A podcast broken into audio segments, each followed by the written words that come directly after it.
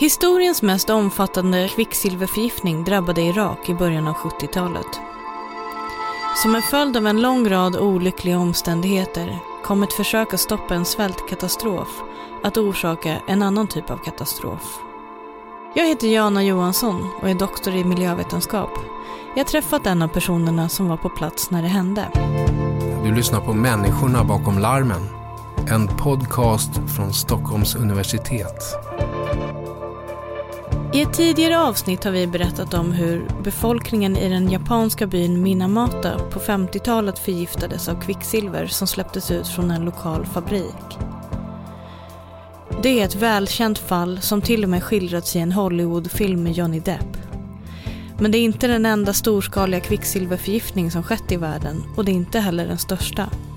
Den hittills mest omfattande skedde i Irak i början av 70-talet. Jag blev ombedd av WHOs högste chef eh, att åka dit. Det, det är liksom inte ett, eh, en fråga man svarar nej på. Arne Järnelöv är biolog. Han var en av dem som jobbade med kvicksilverforskning på 60-talet. Han har skrivit flera böcker om kvicksilver och om sitt yrkesliv som expert utsänd av Världshälsoorganisationen och FN.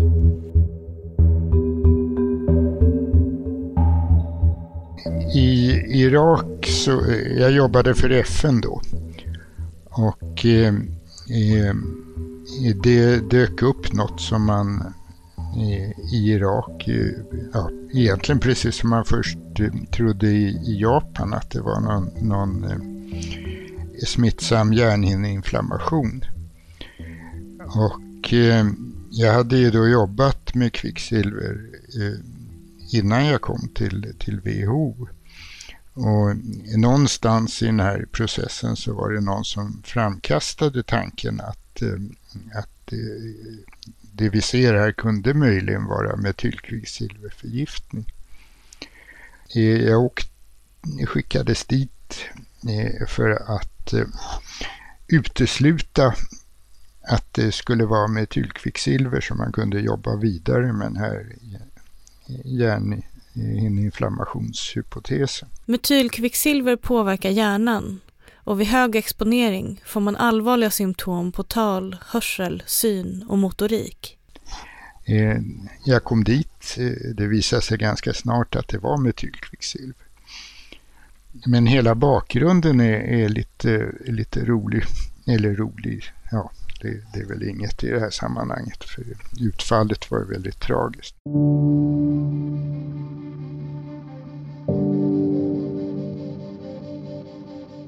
Irak hade haft eh, missväxt eh, ett, eh, ja, två riktiga dåliga år och ytterligare något halvdåligt år innan dess. Och bestämde sig då för att eh, göra en storsatsning på eh, Borlags, det här gröna revolutionens vete. Högavkastande vetesorter som man hade odlat fram i, i, i Mexiko på, eh, vid eh, Stilla havskusten. Norman Borlaug var en amerikansk agronom som utvecklade en ny typ av högavkastande vete och spred det till länder där man ofta hade hungerskatastrofer. Han fick Nobels fredspris 1970 och anses ha räddat en miljard människor från att hungra ihjäl. Så att eh, eh man tog av sina oljeinkomster som man redan hade en del och så köpte man en stor mängd eh, utsäde av det här.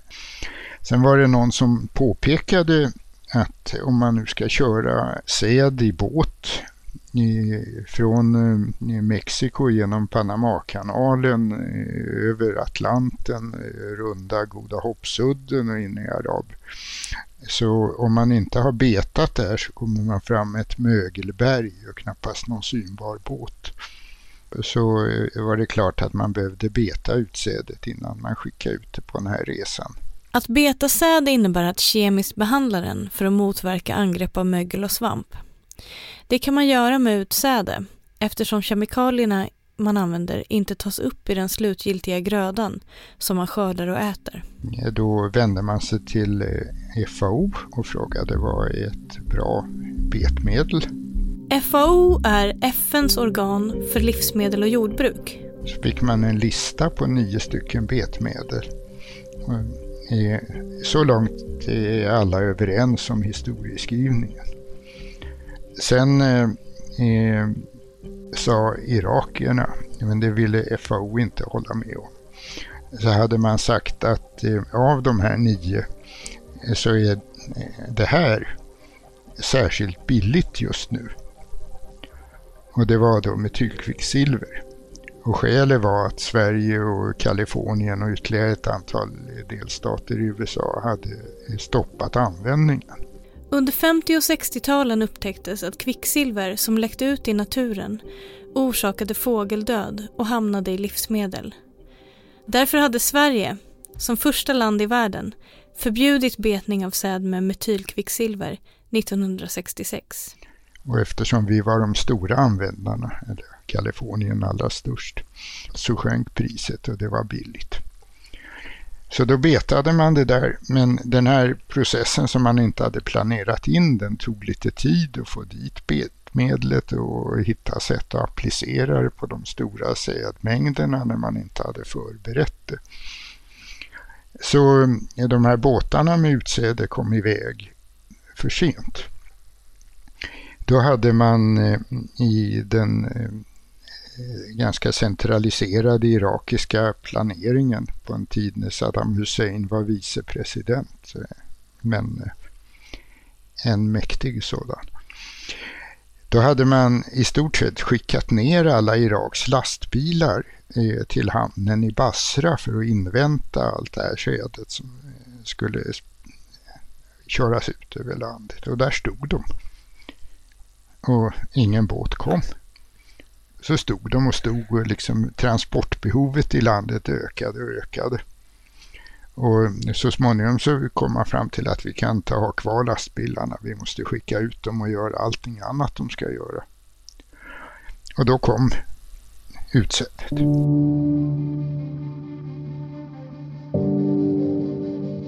Irak är ett land av ungefär samma storlek som Sverige. Nu skulle säden transporteras från Basra i söder till landets övriga regioner, även till avlägset belägna bergsbyar. Och så småningom fick man dit lastbilarna igen och så småningom fick man ut det till bönderna. Men då hade tiden för att så redan passerats. Och nu stod bönderna där med en massa säd, utsäde förvisso. Dessutom lite lätt rödfärgat med varningstext på spanska. Säden hade färgats röd just för att signalera att den var kvicksilverbehandlad. Men eh, dels kunde de inte läsa, dels hade de dels väldigt dåligt med mat själva och dels hade deras husdjur väldigt dåligt med mat.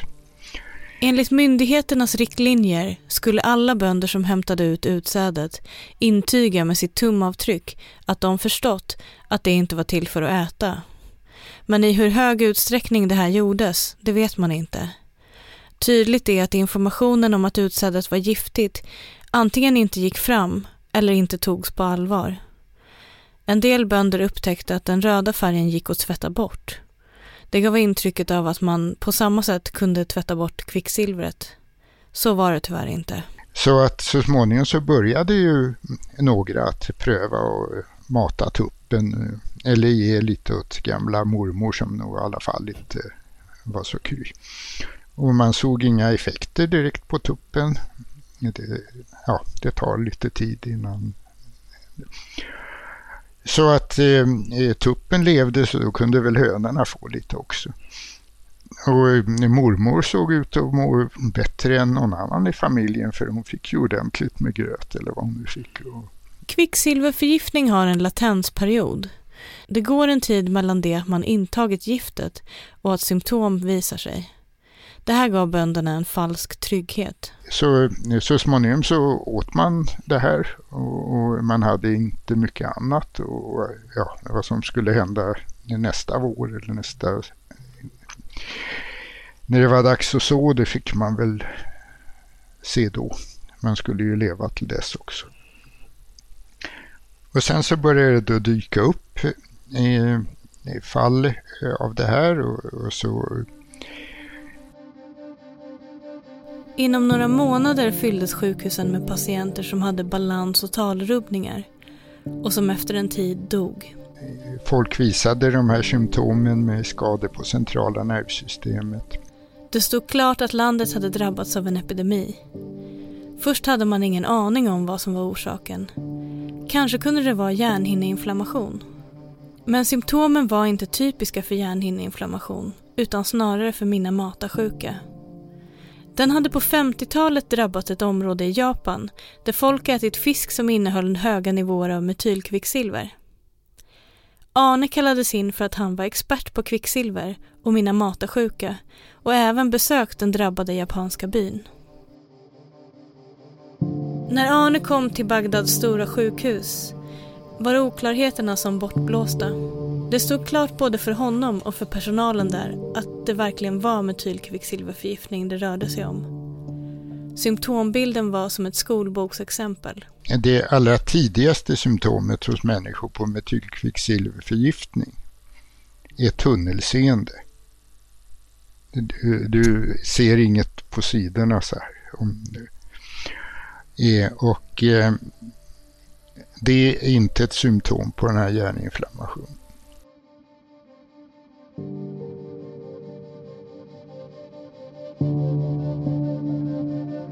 Då eh, bestämde man sig för att nu samlar vi in det, här, eh, det som är kvar av utsädet så att eh, man proklamerade då att inom 14 dagar ska det här återlämnas till de ställen ja, där de lokala bönderna hade hämtat ut det. Och bara för att göra det här särskilt eftertryckligt så, så sa man också att eh, den som om 14 dagar påträffas och inneha det här sädet, det är dödsstraff på att göra det. Att, eh, nu var det bara så att, eh, att få ut det här budskapet till alla eh, bönder Eh, där de flesta var analfabeter och radioapparater och tv-apparater fanns inte alls. Det fanns ingen el ute på landsbygden. Så i många fall så hade bönderna aldrig hört talas om det här förrän eh, irakiska militären kom och hittade. Vilket gjorde att alla blev, eh, nu var det dessutom de två veckorna hade gått så man var inte säker på vad som skulle hända ens man kom in med det här. För man hade haft det för länge. Så vad gjorde man då? Jo, man dumpar efter vägkanter och i bevattningskanaler och annat. Och då hade man ju redan tidigare en situation där eh, liksom eh, inte bara bröd ja, så, ja, man bakade ju bröd på det och sålde bröd och så vidare. Eh, men också kött och ägg och mjölk och ost och massor av saker var kontaminerade. För att man hade matat djuren? Mm. Ja, för man hade mat. Främst var det bönder som drabbades. I Bagdad spred sig kunskapen snabbt om att det var förgiftad mat som orsakade hjärnskadorna. Men vad kunde man äta? Inget verkade okej. Inte bröd och mjöl, inte mjölk, kött och ägg, inte fisk. Arne beskriver den här paniken i sin bok Kvicksilver. Folk hamstrade det man för stunden trodde var säkert att äta och slängde det kort därefter när ryktet gick om att även det livsmedlet var giftigt. För egen del så hittade jag två saker jag tyckte jag kunde äta under den här perioden. Det ena var fikon. Ja, fikon och dadlar var det ena. Och det andra var amerikansk corned beef som var restmängder från andra världskriget. Oj. Och det, och det här var på 70-talet? Det här var, det var 1971. Men den hade hållit sig? Ja, det såg inte ut som corned beef. Det, det luktade inte illa, men det såg ut som något no, lite mm, eh, lila delar, lite mer blålila, annat lite mer rödlila. Och det hade ingen struktur, det var som gelé ungefär. Men fikonen och dadlarna, de, de växer liksom vilt så de var därför inte kontaminerade. Ja, de odlas också. De har stora, mm. stora daddelpalmsodlingar. Men eh, det spelar ingen roll. De, de eh, hade inte tillfälle att suga upp något av det här kvicksilvret. Mm. Men du var där ganska länge? Ja, jag var där i sju månader. Sju, corn beef och fikon och dadlar i sju månader. Ja, lite, lite ris mm. ibland. Fast det var inte lätt att komma över. Mm. Att misstro alla livsmedel och se folk omkring sig insjukna utan att veta hur man kunde skydda sig själv och sin familj måste varit fruktansvärt. Paniken spred sig. En av Arnes uppgifter blev att ordna ett sätt att kunna skilja kontaminerade livsmedel från säkra. Det jag gjorde när vi konstaterat att eh, det, det var ju att eh, åka runt och sätta upp eh, laboratorier där man kunde analysera kvicksilver. Så, ja, I Bagdad kunde vi till och med använda en reaktor och göra de här neutronaktiveringsanalyserna vi pratade om tidigare. I Bagdad fanns en liten kärnreaktor.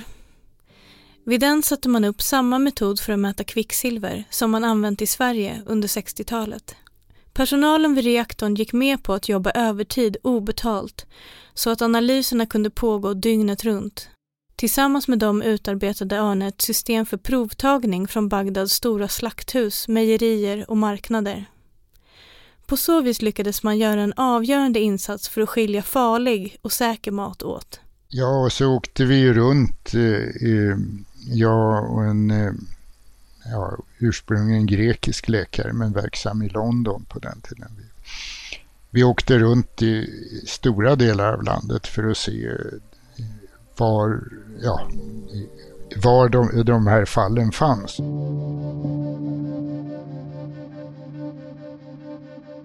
Så småningom fick man bort eh, den här kontaminerade maten eh, och, och kunde tillföra ny. Resultatet eh, blev eh, ett mycket stort antal döda personer och ett ännu mycket större eh, antal allvarligt handikappade. Men i den irakiska statistiken så verkar det inte vara så väldigt många. Hur många irakier som påverkades av kvicksilverförgiftning är oklart. De officiella siffror som finns på det kommer från en artikel som publicerades 1973. Den säger att lite över 6 000 personer lades in på sjukhus och att 460 av dem dog. I den arabiska traditionen där så är det inte alls bra att dö på sjukhuset utan om man nu inte dör plötsligt så ska man dö i hemmet omgiven av eh, familj och, och vänner. När de anhöriga såg att patienten nog inte överlever så tog de hem dem. Och eh, formulären som sjukhusen använde, de hade liksom bara två alternativ att kryssa i när en patient skrevs ut. Frisk eller död. De var inte döda, alltså var de friska. Så i den irakiska statistiken har man lyckats med konststycket som man inte kunnat någon annanstans i världen, att bota tiotusentals kvicksilverförgiftade personer. Det har uppskattats att om allt importerat vete ätits upp av människor så skulle uppåt fyra miljoner personer kunna ha förgiftats. Det motsvarade en tredjedel av landets befolkning vid den här tiden. Men hur mycket av säden som åts av människor, det gick inte att ta reda på. En del planterades ju ut som det var tänkt och en del kasserades. Arne och andra med honom tror att uppåt 60 000 personer påverkades. Kom det någon ny, nya liksom vetenskapliga rön ur den här irakiska katastrofen? Ja, det gjorde det. Eh, dels eh, den större mängden av dem hade väl att göra med, med symptombilden. Vad är tidigare, tidiga, i vilken ordning kommer symptom, hur, hur allvarliga är de, hur, sånt här som, som kan vara medicinskt intressant. Katastrofen fick också som följd att WHO utfärdade nya riktlinjer för hur betat utsäde skulle hanteras. Särskilt viktigt var det enligt dem att förpackningar skulle vara märkta på ett språk och med varningssymboler som den lokala befolkningen förstod.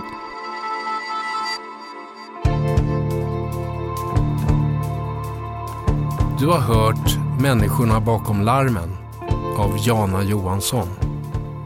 Producent Lars Indebeto. En podcast från Stockholms universitet.